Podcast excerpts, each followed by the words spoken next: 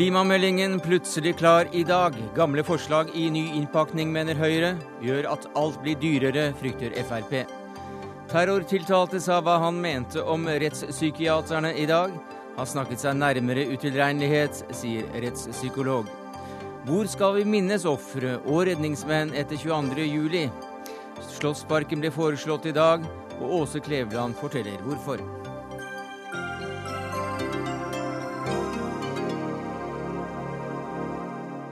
Ja, Det er noen av sakene i eh, Dagsnytt 18 denne onsdagen, der vi også får høre at i Pakistan er retorikken atskillig hardere enn handlingene. Men vi starter med regjeringens klimamelding, som eh, ganske plutselig ble lagt eh, fram i dag. Der opprettholdes kravet fra det fire år gamle klimaforliket om at to tredjedeler av kuttene skal tas i Norge.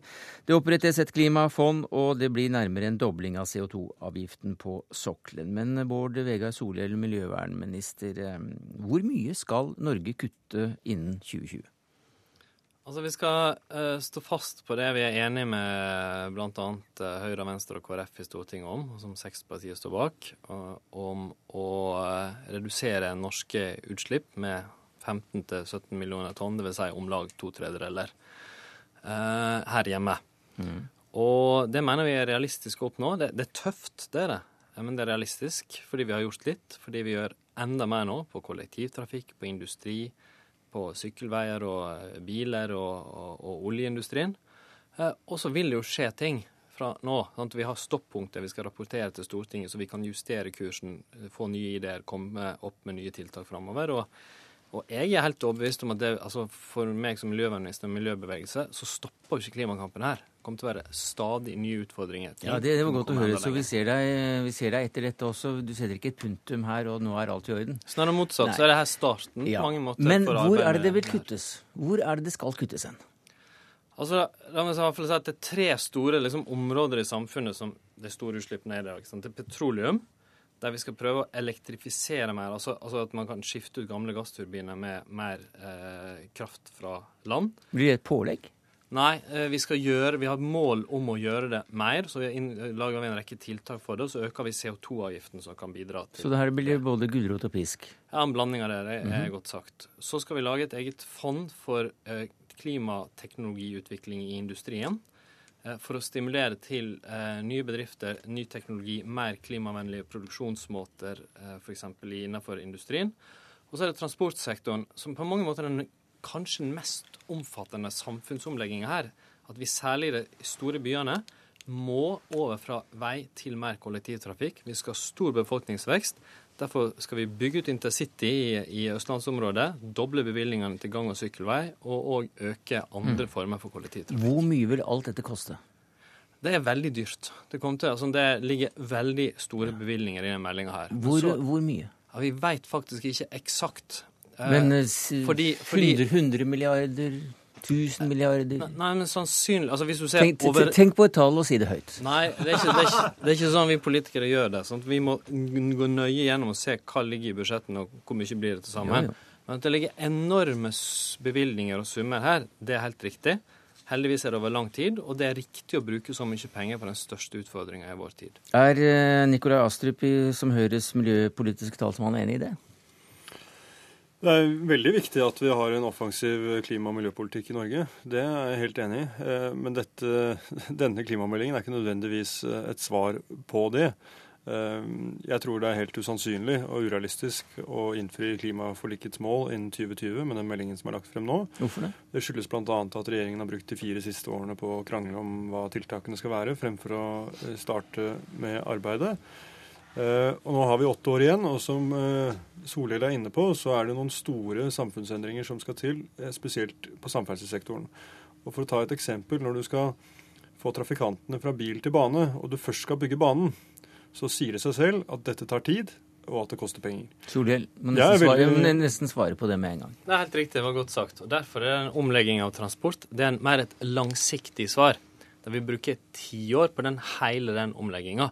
Men det er i hvert fall ikke et argument for å vente. Da haster det med å begynne. Men så gjennomfører vi òg mange andre tiltak som vil ha effekt de neste årene. som at vi skal ha biler som slipper ut mindre, mm. som å doble bevilgninga til sykkelveier, som å fase ut gammeldagse oljefyrer som står i mange bygg rundt omkring. Og dette kan vi gjøres ganske mye raskere? Ja, det kan det. Men eh, det er helt riktig som Solhjell sier, at eh, den endringen, særlig på samferdsel, den tar tid. Eh, og bare intercitytriangelet koster jo, er anslått å koste 137 milliarder kroner. Og da står det ferdig i 2026. Men det er helt nødvendig å satse mer på jernbane. Det er helt nødvendig å satse mer på kollektiv i og rundt de store byene. Det skyldes jo først og fremst at vi har en enorm befolkningsvekst i byene i Norge. Men hva er det som ellers gjør men, at dette er urealistisk, bortsett fra jernbanebyggingen? Jo, dette handler jo da om at det vil bremse utslippsveksten men vil ikke føre til utslippskutt. Slik at Det jeg sier er at det vil være veldig vanskelig å komme i mål med klimaforlikets krav til kutt på åtte år med å ha langsiktige tiltak som først vil ha effekt på slutten av 2020-tallet. Det er mitt poeng. Så er jeg helt enig at vi skal satse på kollektiv, jeg er helt enig at vi skal satse på sykkel, og jeg er helt enig at vi skal satse på teknologiutvikling, slik Høyre har foreslått i Stortinget, og som nå regjeringen også foreslår i denne meldingen. Altså, sant, Regjeringa mener det er realistisk, Høyre mener det er helt urealistisk. Det må i så fall bety, siden de står bak det samme målet, at de vil ha langt tøffere politikk Kanskje øke diesel- og bensinavgift kraftig, CO2-avgiften på sokkelen enda mer, hva vet jeg. Eh, men la oss høre forslagene, siden det her er helt urealistisk, men de likevel er enige i at målet må nås. Vi har hele tiden sagt at eh, med den tiden regjeringen nå har brukt på å krangle internt, så vil det bli dyrere og mer krevende, og kanskje ikke mulig å nå mm. klimaforlikets mål innen den tidsfristen som er satt. men akkurat hva dere kan gjøre i dag for å få farten opp kan du, kan, Men har du, har du noe program eh, som kan si at uh, dette kan, kan, gå mye fortere med Høyres politikk? Ja, det er jeg savner, er en konkretisering. For det er mm. veldig mange mål, veldig mange ambisjoner, veldig mange ting som skal utredes. Men det er veldig få konkrete tiltak, ikke minst når det gjelder f.eks. elbiler, drivstoff og andre ting. Per-Willy Amundsen, energi- og klimapolitisk talsmann i Frp. Du hevder i dag at forbrukeren får regninga for denne klimaomleggingen eller klimameldingen. Hvordan da? Ja, altså, som statsråden sier, dette blir dyrt. Dette blir veldig dyrt. Og det er svært dyr Eh, symbolpolitikk for å holde SV i regjering. Mm -hmm. og så sender man altså regninga til innbyggerne. Og det kan jeg grunngi veldig greit. Altså Det blir dyrere å bygge bolig i Norge. Det blir dyrere å kjøpe og bruke strøm. Det blir nettleia øker. Det blir sannsynligvis dyrere å bruke bil. Og på toppen av det hele så risikerer vi også langt mindre utbygging av vei i landet. Eh, all den tid man skal holde seg innenfor handlingsregelen og, og, og satse så bredt på kollektiv som man, som man sier. Det her er helt, helt feil. Det er ingen avgiftsøkninger for vanlige mennesker. Det er tvert imot oljeindustrien. Vær stille nå. Det er tvert imot oljeindustrien vi pålegger økt avgift for å betale. Det er tvert imot sånn at denne meldinga her og norsk klimapolitikk nå, det er masse fordeler for folk. Bedre kollektivtrafikk, eh, biler som, utslipp, eh, som, gir mindre utslipp, du kan kjøre lenger på en tank. At vi kan bygge hus som er bedre, og som gir mindre strømregning i framtida. Og man kan, må jo begynne å lure. Her er jo framskritt, men Fremskrittspartiet er imot det. Vil heller ha gamle trekkfylte hus enn moderne hus som er energieffektive. Unnskyld meg, jeg har vært i debatt med, med eh, statsministeren tidligere om akkurat dette i dag, og han innrømmer at det vil bety økte kostnader for innbyggerne i landet. Så der er tydeligvis du og statsministeren uenige. Det er det ene. Men dernest, for å ta et eksempel, da. La oss ta elektrifisering av sokkelen. Altså det at man skal drifte plattformer med strøm fra land. Det i seg sjøl er ikke bare sånn det betales av eh, petroleumsnæringa, sånn som statsråden gjør inntrykk av. Tvert imot så er det altså betydelige kostnader her som må dekkes av den jevne innbygger i over strømregninga, dyrere strøm, og ikke minst gjennom nettleia. For denne krafta skal altså, føres frem. Det er realitetene, og det må også igjen, du forholde deg til. Altså, igjen så er det sånn at vi, eh, Anslagene er at vi kommer til å ha kraftoverskudd i, i Norge i åra som ja. kommer. Noe av den krafta vil det være riktig å bruke til å elektrifisere installasjoner for å få ned CO2-utslipp innenfor oljesektoren. Men jeg gjentar, det vil være store fordeler for mennesker som vil merkes positivt i hverdagen over tid. Så vil det klart at samfunnet, f.eks. staten, må investere enormt i den jernbaneutbygginga. Men det er en prioritering, der vi velger å prioritere økt og bedre samferdsel framfor en del av de skattelettene og andre ting som Fremskrittspartiet prioriterer. Det betyr økt satsing på kollektiv, for dere forholder dere til dagens eh, handlingsregel, som vil gi utslag i mindre satsing på vei. Det er et faktum. Dernest er det altså viktig å understreke at denne symbolsatsinga, altså en av de dyreste tiltakene, er nettopp elektrifisering av plattformer eh, på norsk sokkel. Det vil altså være Vi snakker titalls av milliarder i investeringer, i kostnader som også veltes over på norske forbrukere. Det i seg sjøl vil jo ikke redusere CO2-utslippene det skrante grann. Altså Det eneste man gjør, er å flytte utslippene fra Norge til andre Men det kan du si, for at eh, Frp var jo ikke med i klimaforliket i det hele tatt. eh, snarere tvert imot. I VG sa du i forrige uke at det er galskap å bruke milliardbeløp på klimatiltak når det er sola som påvirker temperaturen og CO2 i atmosfæren, og ikke menneskene. Altså, Det jeg snakker om da, er at det faktisk er en debatt der ute ja. som ikke gjenspeiler seg i norsk debatt, eh, hvor det faktisk er uenigheter rundt ja. klimaforskninga. Men det til sides, nå snakker vi om tiltak. Ja, vi har, vi har jo hatt den debatten også her i Dagsnytt 18. men eh, eh, Bård Vegar Solhjell, nå har du hørt hva politikerne eh, sier, opposisjonen her. Du må bli sittende, men Per-Willy Amundsen og Nikolai Astrup, eh, henholdsvis Høyre og Frp, takk til dere, for vi får inn et annet panel som også har noe å si i sakens anledning. For eh, det har jo vært ganske mye kjør mot denne regjeringen for å ikke komme med denne klimameldingen, og ikke minst så har Silje Lundberg, som eh, leder i Natur og Ungdom, sagt sitt om det. Hva sier du i dag? Nei, altså Forrige gang jeg satt her, så sa jeg jo at hvis ikke eh, regjeringa leverte en klimamelding innen juni, som gjorde det dyrere å forurense, enklere å være miljøvennlig, men som også sto ved målene, så kom vi til å kreve dens avgang. Mm. Og her har vi fått en klimamelding som gjør det dyrere å forurense, det gjør det enklere å være miljøvennlig eh, til en viss grad, og den står ved målene. Og det mener vi er bra, men så mener vi også at den er litt sånn halvhjerta. Men eh, regjeringen får lov å sitte ut sommeren i hvert fall for Natur og Ungdom? Ja, vi skal ikke kreve avgangen helt ennå, men samtidig så er det jo sånn at det er, for oss er det jo ikke noe mål at du skal ha en rød-grønn regjering. For oss er det et mål at du skal ha en regjering som kutter utslippene. Men hva med dagens melding? Dagens melding, den Altså På transport er kanskje det feltet hvor den i størst grad leverer, eh, etter vår oppfatning. Man gjør det enklere eh, å være mer miljøvennlig i sin egen hverdag. Man kommer med gode ting på, på jernbane, eh, og kommer også med løfter om å øke belønningsordningen. Men det som er det store problemet med den meldinga, er at den ikke eh, kutter utslippene fra petroleumsindustrien. Og da er det litt sånn absurd egentlig å høre at det krangles om elektrifisering, fordi at denne meldinga legger ikke opp til noe storstilt elektrifisering av plattformene som vi har eh, på sokkelen i dag. Jo, ifølge Solhjell så gjør det jo det, for det er jo både pisk og gulrot her. Ja, det er ikke så, så mye pisk, det kan jeg trygt si. Også den avgiftsøkninga som man har hvis man egentlig ser det, så er det sånn at den, det er ikke en sånn reell eh, avgiftsøkning. fordi at før eh, man ble med kvote, i kvotesystemet, så satte man jo ned CO2-avgifta på norsk sokkel. Sånn at nå er man tilbake på ca. samme nivå som man hadde i 2007. Ja. Og i tillegg så er det sånn at fra neste år av så kommer oljeindustrien også til å få gratis kvote. Er mye fornuftig i den analysen. Det var ikke slik du framstilte det i sted? Eh, jo, jeg, det, det, ligger tiltak her, både pisk og gulrøtt for elektrifisering. Men det er riktig at mens vi på transport har en storstilt pakke som tror jeg vil være starten på en stor omlegging, så det er svakere eh, tiltak for petroleumssektoren.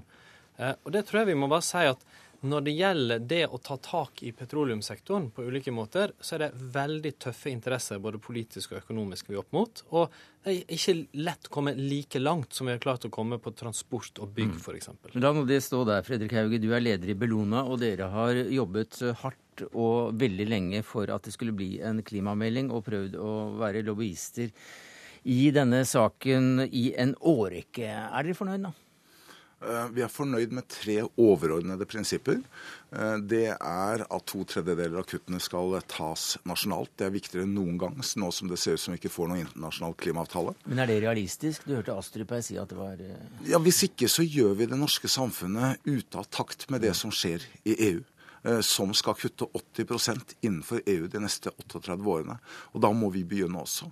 Det andre som vi er fornøyd med, det er at man har en aksept her på at det er ikke bare kvoter, slik som bl.a. statsministeren mange ganger har hevdet, som skal være virkemidler. Vi har nå åpnet opp for dobbelt sett med virkemidler.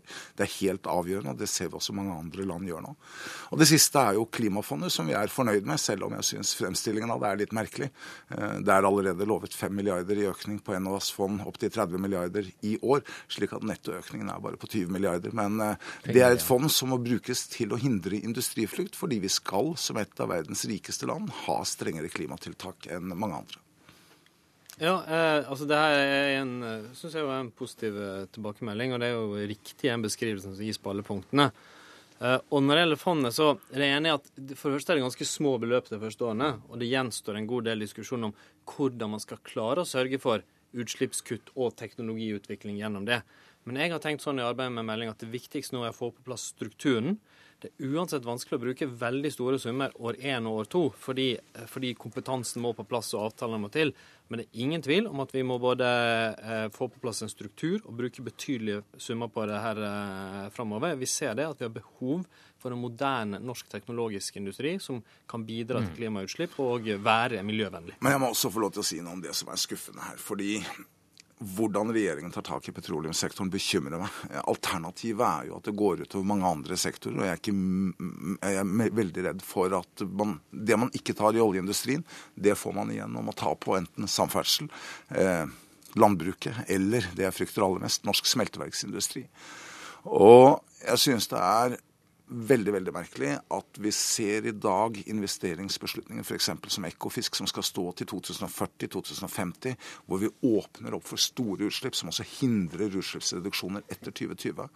Mm. På CO2-håndtering så er det bra at man fastslår at det skal fullskala rensing til på Mongstad. Men etter min mening oppnår man ikke klimaforliket hvis man ikke elektrifiserer mer enn det regjeringen legger opp til, og hvis man ikke renser f.eks. gassprosesseringsanlegget men, på Kårstø. Men du hører jo hvor vanskelig det er å kjempe mot disse interessene. Solhjell selv sier jo det her, at uh, vi klarer ja, ikke alt. Han er en del av en regjering som står kollektivt ansvarlig for denne meldingen. Og når de har utsatt å komme med denne meldingen i fire år, så er det klart da har Nikolai Astrup et stort poeng. Da er det fire år mindre å betale ned på de investeringene innen 2020. Og det har skuffet mange. Det hindrer forutsigbare rammevilkår for næringslivet. Og der synes jeg at meldingen er uspesifikk på mange områder. Det gir ikke de rammevilkårene og de for, den forutsigbarheten næringslivet må ha for å omstille seg. Eh, jo, men jeg tror sånn, Vi er mye enige om analyser. God på mål og prinsipper, god på transport, ikke så god på petroleum. Men, men jeg har lyst likevel å, å si at det vanlige i norsk miljø- og klimapolitikk er jo at man knapt har i det hele tatt fått til noe og fått utfordra den næringa. For første gang siden begynnelsen av 90-tallet så hever vi CO2-avgiften eh, betydelig, til at mm. summen av kvoter og avgift blir langt høyere. Lundeberg, det må du nesten få et innspill på. Ja, fordi at Det som er viktig når man skal måle på en måte suksessraten på denne klimameldinga, så kan man ikke gjøre det opp mot forventningene i forkant. Man skal gjøre det opp mot de, de, det som klima faktisk trenger, og det som klima faktisk krever. Og Da blir det en del av denne veldige eh, skryten, syns jeg, da blir litt sånn eh, Den blir litt malplassert, fordi at da legger du deg på den linja som da at det er på en måte at man ikke skal gjøre noe. Og så er det jo sånn at ja, man har økt avgifter for oljeindustrien. Ja, det stemmer jo det, men man har jo satt ned. Og det var, er jo fortsatt sånn at på starten av 90-tallet så var det dyrere for norsk oljevirksomhet å slippe ut CO2 enn det er i dag. Til tross for at vi i dag vet hvor viktig klimaproblemet er. Og det er jo et absurd paradoks. Men bortsett fra da de eh, pengene, ekstra pengene i CO2-utgifter eh, på sokkelen, hva er det som er konkret? i denne meldingen? Altså, det er jo en usedvanlig konkret melding på mange felter. Ja, Du hvis, snakker ikke om penger. Du har ikke sagt et eneste tall. Jo. Doble bevilgninger til sykkelveier innen 2017. Bygge ut intercity. altså Det er beregna, som Nikolai Astrup sa, til 130 milliarder kroner, så det er vel ikke akkurat små penger. Vi skal fase ut bruken av oljefyr, som er en ganske betydelig utslipp eh, knytta til. Vi, vi, vi sier, det har vi holdt på med siden, Hei, bare, siden La meg få lov å være ferdig. Siden du ba om flere tallfestinger. Vi sier hvor mye penger vi skal bruke i et nytt klimateknologifond, for å nevne noen mm. ting. Eh, det er en rekke andre tall òg. Men, men jeg er jo helt enig. Det er jo ikke sånn at nå kan vi legge oss ned, slappe av, nå er vi i mål. Tvert imot. Det er behov for mange og mer omfattende Akkurat slik avsluttet vi eh, den samtalen du hadde med det forrige panelet også, så takk skal du ha, Fredrik Hauge fra Bellona, Silje Lundeberg, leder i Natur og Ungdom. Men Solhjell, nå får vi inn et par kommentatorer, men før, før de slipper til, så så, så, så, snakket uh, Sist du var her, så snakket du om at denne meldingen så antydet du juni. I dag er det 25. april. Hvorfor kom sommeren så brått i år? Nei, altså Vi skulle legge den fram senest juni. Ja. Eh, fra jeg ble miljøvernminister, så har jeg Det er bare få uker siden. Brukt, eh, ja, brukt all min tid på å sette meg inn i det og lære meg stoffet til bunns. men, men la meg stille spørsmålet litt annerledes, for ja. å høre at det kommer en ganske lang eh, analyse her. Men altså, hva, hva, er det du har fått til som Erik Solheim ikke fikk til? Slo du, slo du Borten Moe i håndbak, eller eh, har du lovt han noe i etterkant? Eller har du sagt at dette blir jo ikke noe av uansett, så bare slapp av? En ting er at jeg ikke klarer å slå Ola Borten Moe i håndbak. Men det kan være andre områder der jeg kan hevde meg i forhold til både han og andre. Men det var gjort et veldig omfattende forarbeid som lå der. Eh, fra Erik Solheim og Heidi Sørensen og andre som har jobba med det, så har vi brukt veldig mye tid på det. Både jeg og regjeringa samla det siste, og vi har alle vært enige om at det er et mål å få det fram raskt, for det haster å komme i gang med å gjennomføre politikken. Takk skal du ha, eh, Bård Vegar Solhjell, miljøvernminister, som representerer da SV. Eh, Magnus Takvam, hva er det som har skjedd i regjeringen siden dette da ganske plutselig kom etter fire års forsinkelser, eller hva det var? Jeg tror nok den uh, nye, det nye teamet i SV har vært opptatt av å få uh, markert at uh, nye koster er kommet inn, og, og liksom markere en ny giv. og innfri forventningene sånn som de ser det til sine egne. Og så er det mulig at, som en sa, at Jens Stoltenberg og Bård Vegar Solhjell er, har en likere tilnærming når de sitter og forhandler, enn det Solheim og, og Stoltenberg Eh, hadde. Altså at eh, Solhjell er en faktaorientert, detaljorientert forhandler, og da glir det kanskje fortere og lettere.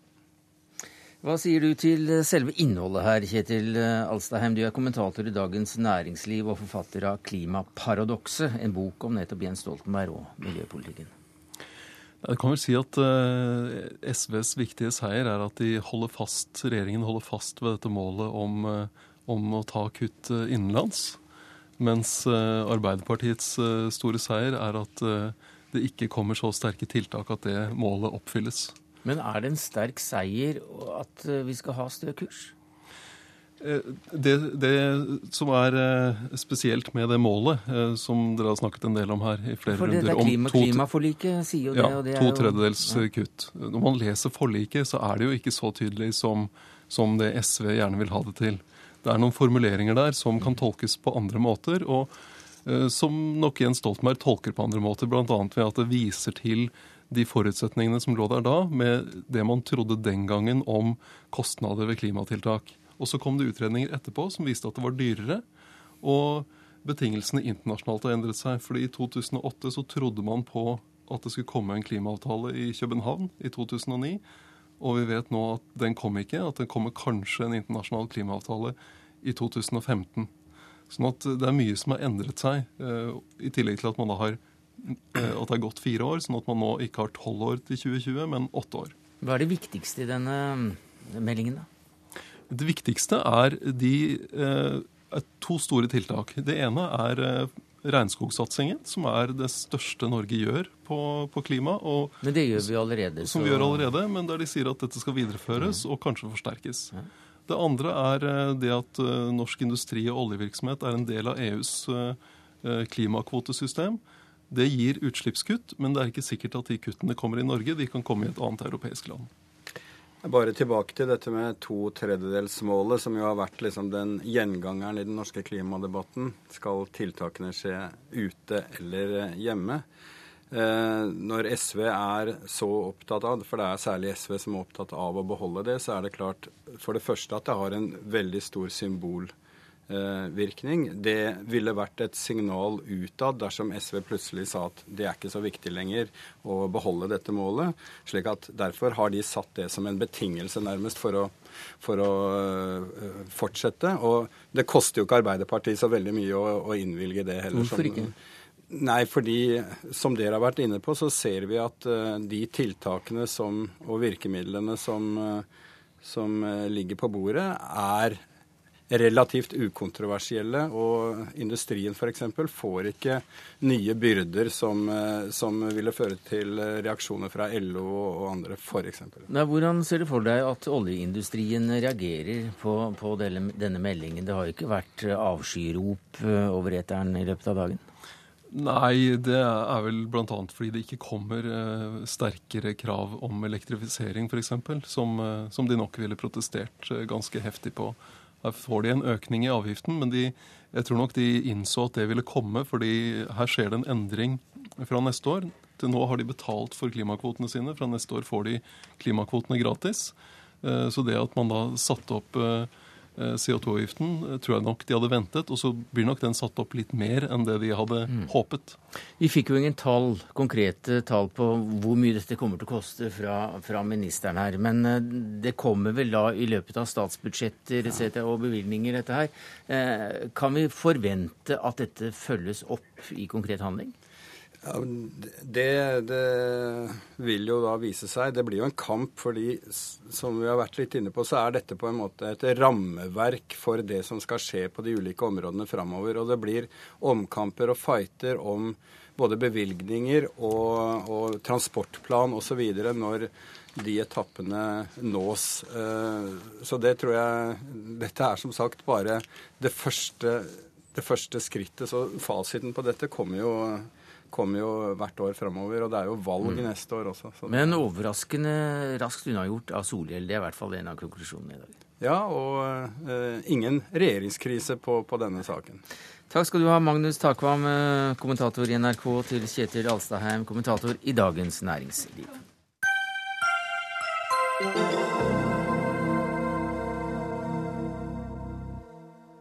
Boka dreier seg om eh, Pakistan, om holdninger, eh, språkbruk, om fiendebilder, eh, sharia, radikal islamisme og sufisme.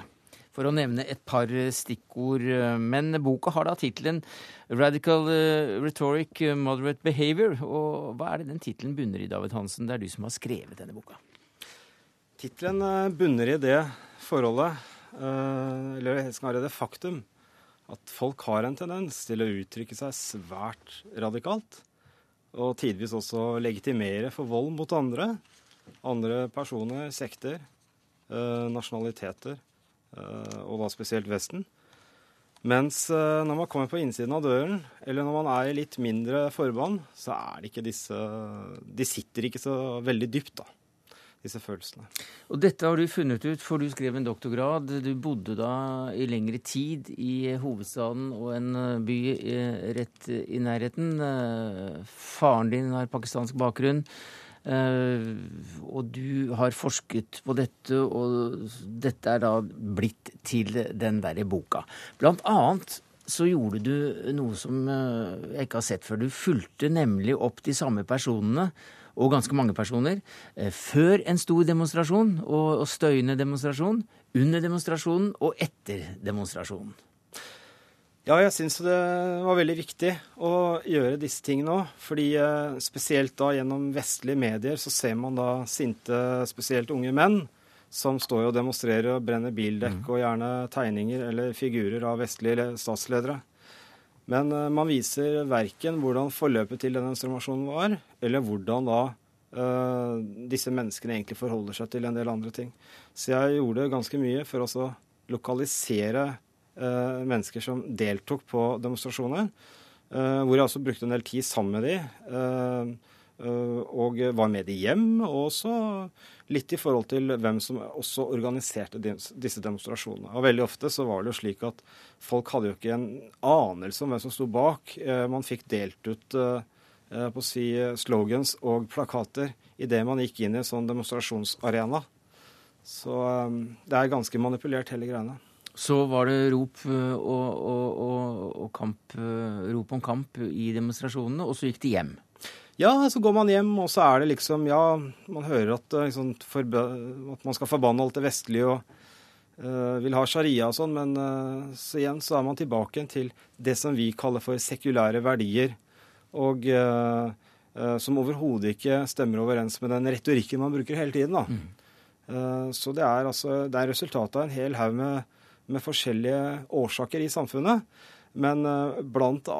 det faktum at det er ikke noe mulighet for sosialisering. Det er altså ikke noe outlet for folk flest. Uh, man har en uh, økende gruppe unge mennesker, spesielt av menn, som har liten påvirkningskraft kraft, eller liten uh, innflytelsesevne på ting i samfunnet, som gjør at de aggregerer en stor mengde frustrasjon, som, som, jeg ser veldig lett blir til en aggresjon. Men som mm. ikke nødvendigvis da er basert på en sånn jihadistisk tankegang. Nei, for de samme som går og roper, de kan komme hjem, og hjemme så er det kona som uh... Ja da. Uh, svært ofte så er det konene som styrer heimen. Uh, der som her. Far, far kan sette seg med en whisky. Ja, det er jo også det, da. At uh, det jeg syns er interessant, det er jo det at man har en sånn Jeg kaller det en massepsykose. Det er ikke for å være slem, men man har en sånn type sånn forsvar av religionen på utsiden av døren. Mm en sånn offentlig sfære-type variant av religionen, så man, man, tør nesten ikke stille spørsmålstegn ved tolkninger av det, eller, eller noe som kan oppfattes som ikke-islamsk eller uislamsk. Men så er man på innsiden av døren, så er det rett over på Bollywood-filmer, og gjerne da en glass eller en stor kopp med whisky. Du er førsteamanuensis ved Bjørkenes høgskole, og du underviser i bl.a. konfliktløsning. og Du blir selv arrestert. Du var innom eh, en antiterrordomstol, og du var i byen under terrorangrep. Eh, hva er det denne boka sier om, om fiendebilder? Uh, den, om fiendebilder så sier den at uh, folk er veldig fort ute med å diskreditere andre mennesker, uh, kalle de for fiender og sågar også eh, si at de skal drepe alle sammen. Mens i praksis er det det samme i forhold til den radikale retorikken ikke nødvendigvis medfører at det der ligger en intensjon om å faktisk ville skade noen eller drepe noen, men det er snarere resultat av eh, mislykka policy fra myndighetenes side ved å eksternalisere alt som skjer i samfunnet, hvor man skylder på alle andre hele tiden. Og spesielt da India, men også da implisitt eh, USA og andre. Mm. Du refererer bl.a. til en tidligere CIA-analytiker, en akademiker, eh, som mener at dette er verdens farligste land. Etter å ha lest boka di, så virker det ikke helt slik. Nei, og det er klart Vi, skal, heller ikke, vi skal heller ikke frikjenne Eh, landet som sådan, for alt, eh, for alt som blir eh, fremsatt, er ikke like bra. Det er klart at en, en, slik tendens med radikal retorikk i samfunnet vil gjøre at noen vil krysse over en, mm. en grense og ty til uh, vold. Uh, og det er også slik da Bruce Riddell, som jeg tror du refererer mm. til her, uh, hevder, det er, og med rette det er jo, Hvis vi ser på disse terrorangrepene som har vært da primært i Europa de siste ti årene, så har jo veldig mange av disse har jo røtter tilbake igjen til Pakistan på et eller annet vis. Men samtidig så syns jeg det er veldig viktig og, og anskuelig at det også finnes noe annet. For her er det mange stereotyper som, eh, som faller for uh, forskerens uh, dom her. Takk skal du ha, David Hansen, altså forfatter av Radical Rhetoric, Moderate Behavior.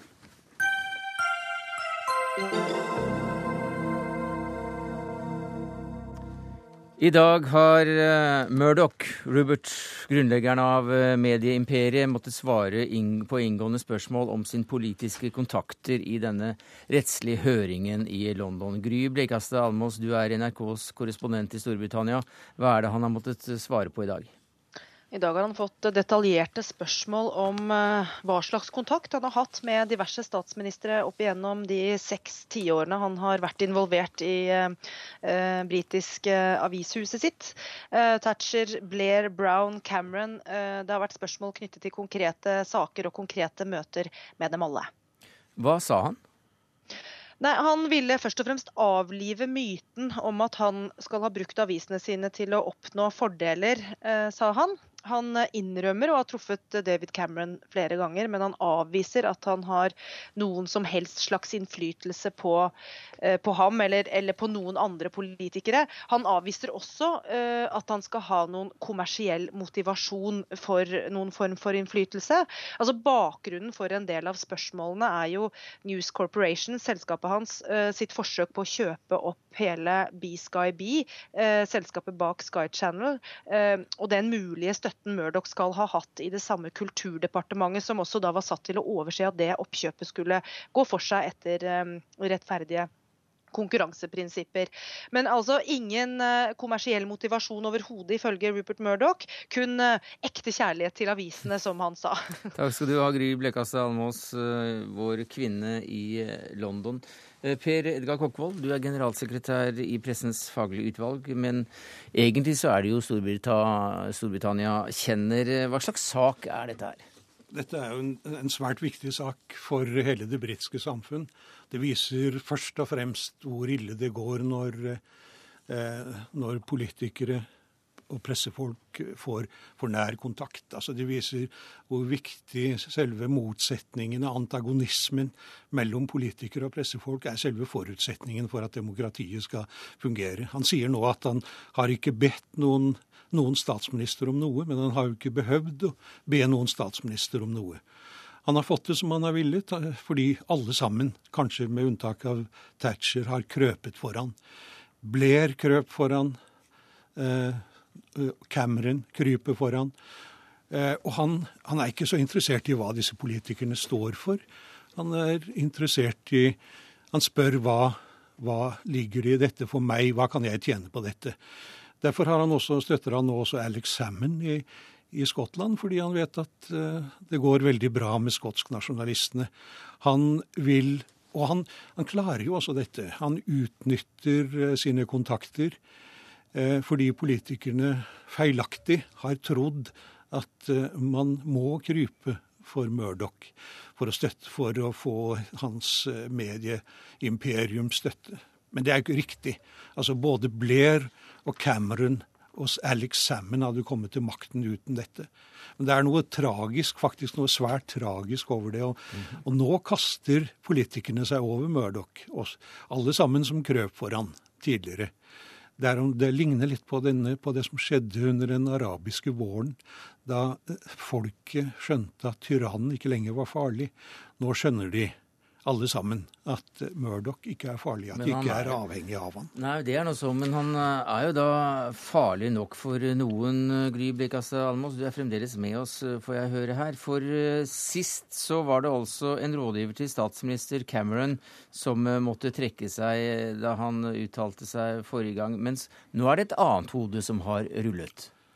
Ja, altså En spesialrådgiver til kulturministeren eh, har i dag innrømmet at den kontakten han hadde med Murdoch-systemet eh, var drøy. Han gikk for langt, og han har i dag trukket seg fra sin stilling. Og Opposisjonen krever jo også at kulturministeren eh, trekker seg, eh, fordi eh, e-postkommunikasjon som ble presentert i denne høringen i går mellom eh, Murdochs menn og altså kulturministerens folk, viser at det har vært kontakt der som mange stiller spørsmål ved om var uh, riktig. Uh, det ser ut til at Kulturdepartementet uh, kan ha støttet støttet Murdoch i dette oppkjøpet som jeg nevnte i stad, av eh, Sky Channel, eh, på et tidspunkt hvor altså eh, departementet nærmest skulle være en dommer over hvem som skulle få, få kjøpe det, og også har gitt Murdoch-systemet informasjon mm. om ting som, som, skulle skje. Så nå er det, det er ganske dramatisk politisk situasjon med en kulturminister som også får krav fra opposisjonen om at han må trekke seg. Nå påstår kulturministeren i dag i parlamentet at han har gjort alt som han skal, at han har innhentet eksterne råd han ikke behøvde å innhente, og at han har fulgt dem. Og han har også statsministerens fulle mm. støtte foreløpig. Men eh, dette er også da eh, en sak som har pågått gjennom skiftende regjeringer, Kokkvold. Og, og hva har da en uh, dagens regjering, eller Cameron selv, å frykte for dette? Han egentlig mer enn en andre. Han har jo satt i gang denne Livesen-undersøkelsen for å, å, ta et oppgjør med pressen og politiet også, som, som på mange måter har vært i, i hendene på, på Murdoch. Men altså politiet og pressen, altså pressens Press Complaints Commission, de trodde på Murdochs forsikringer om at denne skandalen, overvåkningsskandalen, var bare en bagatell. Mm. Men Cameron gjorde noe mer enn å tro. Han, han gjorde faktisk de ansvarlige to redaktører i News of the World. En til en av sine nærmeste venner, til den andre til sin nærmeste politiske rådgiver. Så, eh, og nå tyder jo alt på at eh, også kulturministeren Jeremy Hunt eh, var involvert i dette. At de gjorde et forsøk på å lirke dette gjennom kjøp av B-Sky B, som, som ville ha vært selve juvelen i i um, Rupert Murdochs imperium. Nå ble jo aldri noe av det pga. Uh, skandalen. Eh, ganske kort til slutt, Kokkvold. Hvis du skulle sammenligne med norske forhold, hva måtte ha skjedd da før vi hadde en lignende sak? Det er nesten umulig å tenke seg det, bare det at man har Rupert Murdoch som, som ringer sine redaktører og forteller hvem de skal støtte ved hvert valg.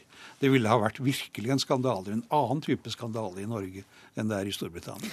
Takk skal du ha, Per Edgar Kokkvold. Takk til deg, London, Gry Blekastad Almås.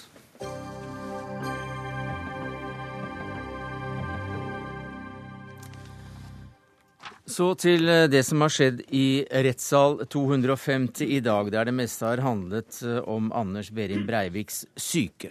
For i dag har han selv sagt hva han mener om den første sakkyndige rapporten, som altså konkluderte med at han ikke var tilregnelig. Per Arne Bjerke, reporter i NRK, du fulgte rettssaken i dag. Hva var det viktigste som kom fram? Ja, Dagen startet med fire obduksjonsrapporter som i all sin grusomhet forteller hva som skjedde 22.07. Og så fikk vi det første rystende vitnemålet fra en av de mange som ble skadd i regjeringskvartalet. Jusstudent Eivind Dahl Thoresen kom inn på krykker og fortalte hvordan trykkbølgen og løse gjenstander traff ham. Han mistet mye blod og trodde han skulle dø. Han har vært igjennom fem operasjoner og er et av mange uskyldige ofre for denne ugjerningen. Og så ettermiddag da, så forklarte tiltalte seg om de sakkyndiges rapport. Ja, Hva var det han sa om denne første rapporten, som altså konkluderte med at han ble, at han ble funnet utilregnelig? Nei, Han mener den jo er basert på løgn, og at den er gal, og at de har kommet til en helt feil konklusjon. Og han har jo da flere mer eller mindre fantasifulle forklaringer på hvorfor det er slik. Han mener at Husby og Sørheim foretok undersøkelsen for nær i tid til massedrapene. Ja, Slik at de var eh, i mental ubalanse? Ja, emosjonelt eh, påvirket, som han eh, sier det. Og han mener at de var uprofesjonelle. En annen forklaring er da at regjeringen skal ha gitt ordre med at han må stemples som gal fordi tankene hans er farlige. I retten så sa han da etter hvert at han skjønte at dette virket helt skrudd, og derfor trodde han heller ikke på det selv. Man hadde også en annen forklaring, og det var at de sakkyndige var økonomisk avhengige, at de hadde økonomiske motiver fordi de lønnes av staten. Eh, statsadvokat Holden startet utspørringen av eh, Breivik eh, i dag, og da boret han i, i de fem påstandene som, som, du skisserte her, eller forklaringen på hvorfor den første rapporten uh, kom fram til at han var utilregnelig. Hvordan svarer Breivik når han blir presset? Det er interessant å se, for han er jo vanligvis helt rolig og helt kald. Men når han da blir presset, så kan han bli litt utålmodig. Og i dag ble han jo presset på det som kanskje er et ømtålig punkt for ham. Hvor mye kunnskaper har han egentlig? Han kom med noen teorier om at regjeringen etter krigen hadde sendt 15 fremtredende NS-medlemmer på sin sykehus. Da aktor spurte om kilder for dette, så ble han synlig irritert. Og Det samme gjaldt andre tilfeller. Når han blir presset på hvor han har kunnskapen fra, og hvilke kilder han bruker, så blir han svak og unnvikende, og det ender stort sett med at han viser til nettet og Wikipedia. Takk skal du ha, reporter Per Arne Bjerke. Breivik prøvde altså å overbevise retten om at han er strafferettslig tilregnelig i dag, et, et, nøkkelpunkt for hele denne rettssaken. Men det lykkes han ikke med, sier du, Pål Grøndal, du er rettspsykolog. Hva var det som bekreftet dette for deg i dag? Ja, jeg syns vi allerede nå har fått eh, en del gode eksempler på det. Eh, jeg syns han systematisk fortolker verden på en veldig spesiell måte, og, inn i en veldig paranoid tenkning. Slik at uh, Hvis hans mål var å fremstå som tilregnelig, så syns jeg han klarte det dårlig. Også tatt i betraktning at det er dette saken dreier seg for ham. Da syns jeg ikke at dette var en overbevisende forestilling. Nei, Kan du forklare litt mer hvorfor ikke? Nei, fordi han viser hele tiden hvordan han fortolker alt mulig så veldig spesielt. Han sier bl.a. at Synne Sørheim har, Nels, eh, har Nelson Mandela som, som, sitt forbilde. Og grunnen til det er at hun bor i Sør-Afrika. Når han da blir foreholdt at dette har vi ikke snakket om noen gang, så sier han da at eh, ja, men det er sånn jeg har tenkt det. Det er sånn jeg har fortolket det. Og dessuten så sier han også at eh, hele det norske folk vet jo nå har fått demonstrert at han ikke er irrasjonell. Hvor har han det fra? Det er jo spørsmål som jeg stiller meg hele tiden. Hvor har han sine opplysninger fra? Og det jeg syns vi fikk høre i retten i dag, var veldig mye at dette er noe han nær sagt produserer fortløpende i sitt eget hode. Og det er det jeg mener at det, det, det tar steget i retning av det utilregnelige, uten at jeg sier at han er utilregnelig, for dette er fryktelig vanskelig. Hva sier du, Siri Gullestad, professor ved Psykologisk institutt ved Universitetet i Oslo. Du har vært i retten tidligere denne uka. Er han tilregnelig? Jeg har altså ikke vært i retten i dag. Eh, det jeg syns er viktig å si, er at eh, det han sier må forstås eh, i en sammenheng, altså i en, den kontekst han er i, som er altså den eh, rapporten som eh, er den første, og som eh, mange har kritisert, og som det var grunn til å kritisere, slik jeg ser det. Han, det var en rapport som mang, var mangelfull på mange måter. Den, den, ikke, den konkluderte med at hans politiske språk var neologismer og tegn på schizofreni uten å drøfte alternative fortolkninger. sånn at han føler jo at han er blitt eh, stemplet, da, diagnostisert eh, på, på um, feilaktig grunnlag. Slik at, eh, at han parerer det, slår tilbake mot det, det er ikke annet enn naturlig, gitt den situasjonen han er i. Og det var det jeg opplevde. Jeg var altså ikke der i dag, men jeg var i retten på mandag. og det når han gjør det, så gjør han det på vil jeg si, en veldig samlet Han er ganske nærværende. Han er god til å lese andres eh, tanker. Altså, altså, sette seg inn i hvordan den andre ser saken og sier at nå skjønner jeg at dette virker helt sprøtt. Og det, eh, det er jo en nokså uh, tilregnelig uh, atferd og oppførsel, det. Sånn at for meg er det veldig Eh, påtrengende å få en diskusjon om de norske utilregnelighetskriteriene mm. også. Fordi det et mann som ber om å bli stilt til ansvar som politisk ekstremist og blir, og blir bedømt som, som uh, en, uh, den ekstremist han er. Og det tydeliggjør svakheten ved dette medisinske kriteriet som baserer utilregnelighet kun på en medisinsk diagnose og ikke tilleggskriterier som andre land har, og som eh, f.eks. består i at personen for å være utilregnelig ikke skal skjønne at det man har gjort er rettsstridig, og det forstår han åpenbart. Sånn at uh, denne saken uh, tydeliggjør et behov for at vi mm. diskuterer disse kriteriene. Og Den debatten den skal vi ta kraftig igjen her i Dagsnytt 18. Men uh, Grøndal, hva sier du til det at det, han framstår jo også som med klare tilregnelige trekk, da, slik Gullestad ser det. Ja, og det er jeg helt enig i. Altså, han fremstår eh, veldig adekvat i situasjonen. Han sitter når han skal sitte, han snakker når han skal snakke. Han eh, tar delvis korreksjoner også fortløpende. Han tilpasser seg. Han eh, fremstår med god egenomsorg. Og vi ser ikke klassiske psykotiske symptomer som hallusinose, altså at han ser og hører ting som ikke er der, eh, med tankeforstyrrelser, altså forstyrrelser av tenkningen med dannelser av nyord, det har heller ikke jeg sett. Eh, han stopper ikke plutselig opp og reagerer ikke emosjonelt helt inadekvat, for å si det sånn. Samtidig så er det jo veldig vanskelig å identifisere hvor dyptpløyende er disse forestillingene han har om verden. Er det rett og slett mer en sånn eh, karakterforstyrrelse av paranoid type og litt til? Eller er det rett og slett et vrangforestillingsbilde av psykotisk art? Mm. Der har jeg vært veldig nøye med at jeg vil ikke ta standpunkt, for jeg har jo ikke snakket med han. Men jeg er helt enig med Gullestad at det er mye vi kan snakke om av endringer i norsk rettspsykiatri. Men for å si det med en gang, det blir ikke billig hvis vi skal endre store deler av dette systemet, men jeg tar gjerne debatten. Budsjettdebatten tar vi ikke her, Anders Giæver, kommentator i eh, VG. Men du var også veldig tidlig eh, ute og stusset over dette utilregnelighetsstempelet, også ut ifra at disse ordene, disse rare ordene som, eh, som Gullestad her nevnte, de hadde han ikke bare funnet opp i sitt eget hode, for du fant dem på Google. Ja. Det er jo veldig mye av det uh, du finner hos Anders Behring Breivik, mm. som du, du finner uh, på Google, og i, spesielt i nettfora. Jeg må jo si at han i dag også Jeg er enig med Gullestad og veldig uenig med Grøndal. Jeg syns han forklarer seg stort sett. Han blir jo drillet veldig mye på at han, han, har misforstått noen fremmedordbegreper og sånne ting. Men han gir en veldig, for meg, klar og konsistent høyreekstrem forklaring på, på det han står for. Og han sa det rett ut i dag. De, de prøver å liksom ta ham på at du har gjort deg til herre over liv og død. og sånne ting. Så sier han nei, jeg er en voldelig høyreekstrem aksjonist. Og det er altså slik um, terrorister alltid har fungert. Herre over liv og død. altså De, de blinker seg ut noe av det de mener er legitime mål, enten det er for IRA eller PLO eller Råta armé-fraksjon. Og Det er ikke sånn at de da skal utrydde disse fra verdens overflate, men de mener at disse kan jaktes på, henrettes, for å skape frykt og terror i samfunnet. Og Det syns jeg han redegjør for på en veldig klar måte, til tross for at, han, eh, at, han, at det pirkes mye i alle de feil han måtte mm. gjøre. Og han har, eh, han har dårlige historiekunnskaper om rettsoppgjøret, og det er en del sånn.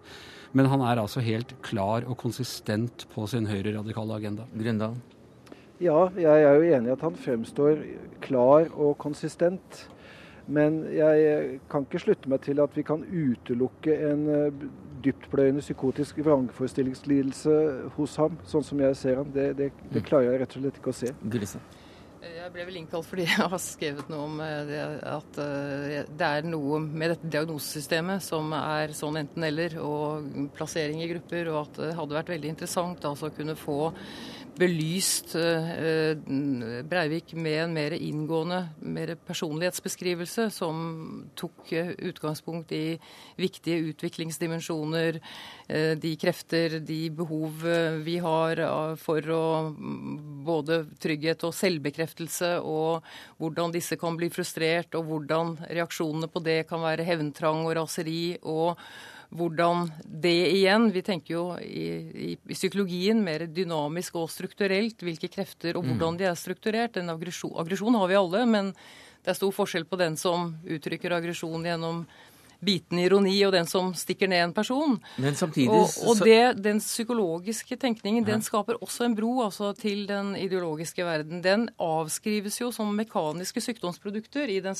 det, i den første rapporten. Det blir ikke noe sammenheng mellom hans psykologiske utvikling og hans tenkning, mens en psykologisk tilnærming vil mer eh, se hvilke Hvordan eh, kan vi forstå dette truede universet? Altså den følelsen av tap, den følelsen av at andre kommer og tar ting som tilhører meg og mitt. ikke sant? Det, er en eh, forståelig sammenheng altså som eh, Det ville belyse saken på en litt annen måte, så det hadde vært interessant om vi hadde hatt mulighet for mm. det. Mm. Det skal du jammen få, Grutsa. Vi skal invitere deg tilbake for ja. å diskutere akkurat hvordan vi bør organisere dette ja. i, i framtiden. Men Anders Giæver, som kommentator i VG i dag så uttalte du til VG Nett at uh, du, var det medlidenhet, det ordet du brukte? Ja, jeg har sagt at det har vært øyeblikk i retten hvor jeg har følt medlidenhet med Anders Behring Breivik. og Det har vært mye reaksjoner på det. Jeg prøver å mm. forklare det med at jeg er ikke som Anders Behring Breivik. Jeg reagerer emosjonelt eh, på ting. Og innimellom, når han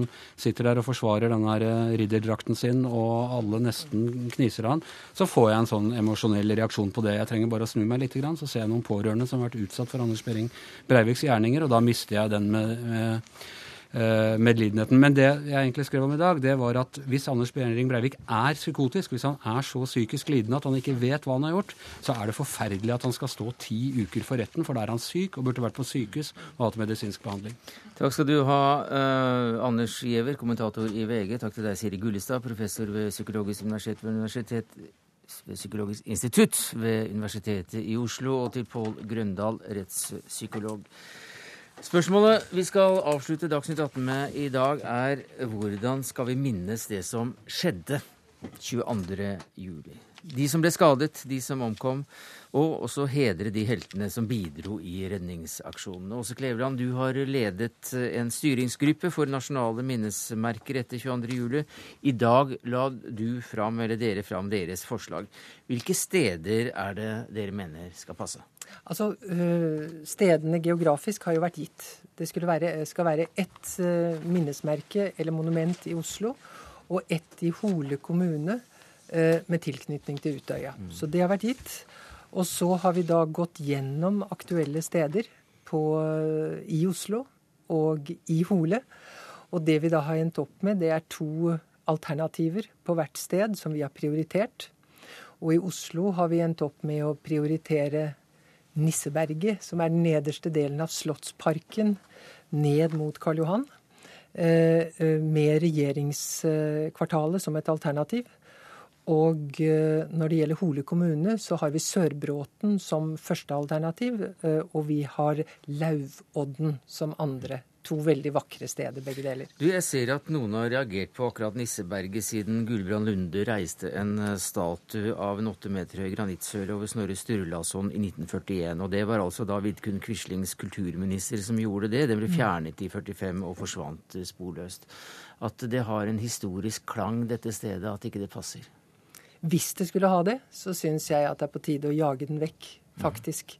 Og jeg må si dette skjedde for 70 år siden, eh, under en nazistisk kulturminister. Det har ikke vært noe lignende der senere, og jeg kan ikke se at det skulle hefte til stedet i dag. Men uh, dette, vi snakker om dette her også pga. en ekstrem høyreekstremist.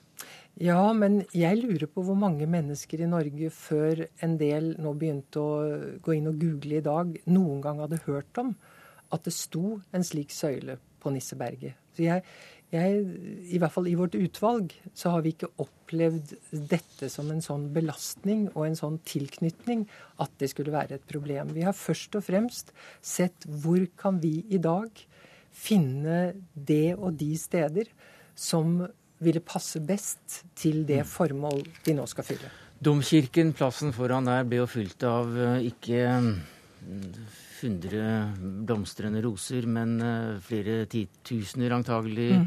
roser som etter hvert eh, døde. Og mange mente at det var en helt naturlig plass. Eh, Er det styrelederen, direktøren for, eller hvilken tittel du har for Human-Etisk Forbund, som har fått viljen sin igjennom og, og fjernet et minnesmerke, eller minnested, fra akkurat kirkelig eiendom?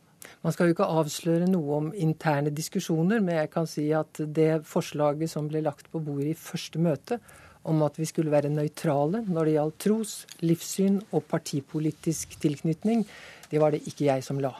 Men det var, det var man enige om. Og jeg syns når det punktet bringes opp, så er det også viktig å si at mens kirken, eh, eller noen i kirken i dag hevder at man har en så sterk tilknytning at man med en viss selvsakthet burde legge et minnested der, så kan man jo si at er det noen som egentlig burde ha en selvsagt tilknytning til dette minnestedet, så er det Arbeiderpartiet og arbeiderbevegelsen. De har vært veldig klare på at Youngstorget er ikke stedet, selv om veldig mange mennesker gjerne skulle sett at det var der. Ketil Knutsen, du er førsteamanuensis ved Universitetet i Stavanger, og du forsker på nettopp historieformidling og symboler. Hva, hva tror du et slikt minnested kan, kan bli? Ja, det gjenstår jo å se. Eh, Det er jo mange eh, muligheter. Eh, Det er jo snakk om to, to minnesteder. Eh, Det store potensialet vil nok ligge i at eh, man får et fysisk uttrykk eh, for disse tragediene, som vil kunne gi oss i flere generasjoner et veldig nært forhold til, det som har skjedd, og som vil kunne være en plass for å, å sørge og bearbeide og, og dele et fellesskap. Hvordan kan det komme til uttrykk, tror du, i framtiden på disse to stedene? Ja, eh, det er jo eh, Et spørsmål knytter seg til eh, hvem som skal minnes. Og slik som jeg forstår dette utvalget, så er jo det et mål at man ikke skal bare minnes de døde, men også de overlevende og andre som spilte en viktig rolle i disse tragediene. Um, og Det er også et spørsmål knyttet til uh, hva type utforming dette vil, uh, vil få. Om uh, det er mer abstrakte minnesteder med, som gir muligheter til mange fortolkninger, eller om man har konkrete budskap man ønsker å, å, å formidle. Hva, hva ville du sett på som mest hensiktsmessig? Vel, jeg ville si at, at det vil være Det vil være naturlig at, at uh, man uh, tar utgangspunkt i de verdiene og den fellesskapsfølelsen Mm. som, som man hadde Som man bearbeidet denne tragedien med når man skal utforme minnesmerker. Eh, Oskar Leveland, hvordan skal dette eh, minnestedet se ut?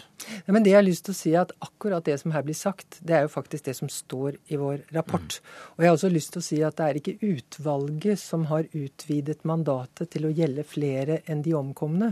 Det er regjeringens mandat til oss. Men helt, sånn helt kort til slutt, vi, vi, har så dårlig tid. Ja, nei, men det, er, det, det, vi snakker om, det er ikke et minnesmerke, det er minnessteder. Mm. Det er steder som både inneholder navnet på de som uh, er drept.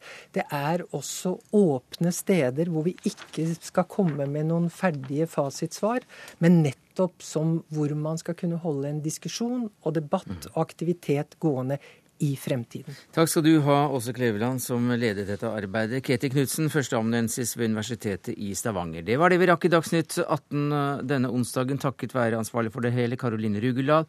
Karl Johan Rimstad hadde teknisk ansvar. Jeg heter Sverre Tom Radøy.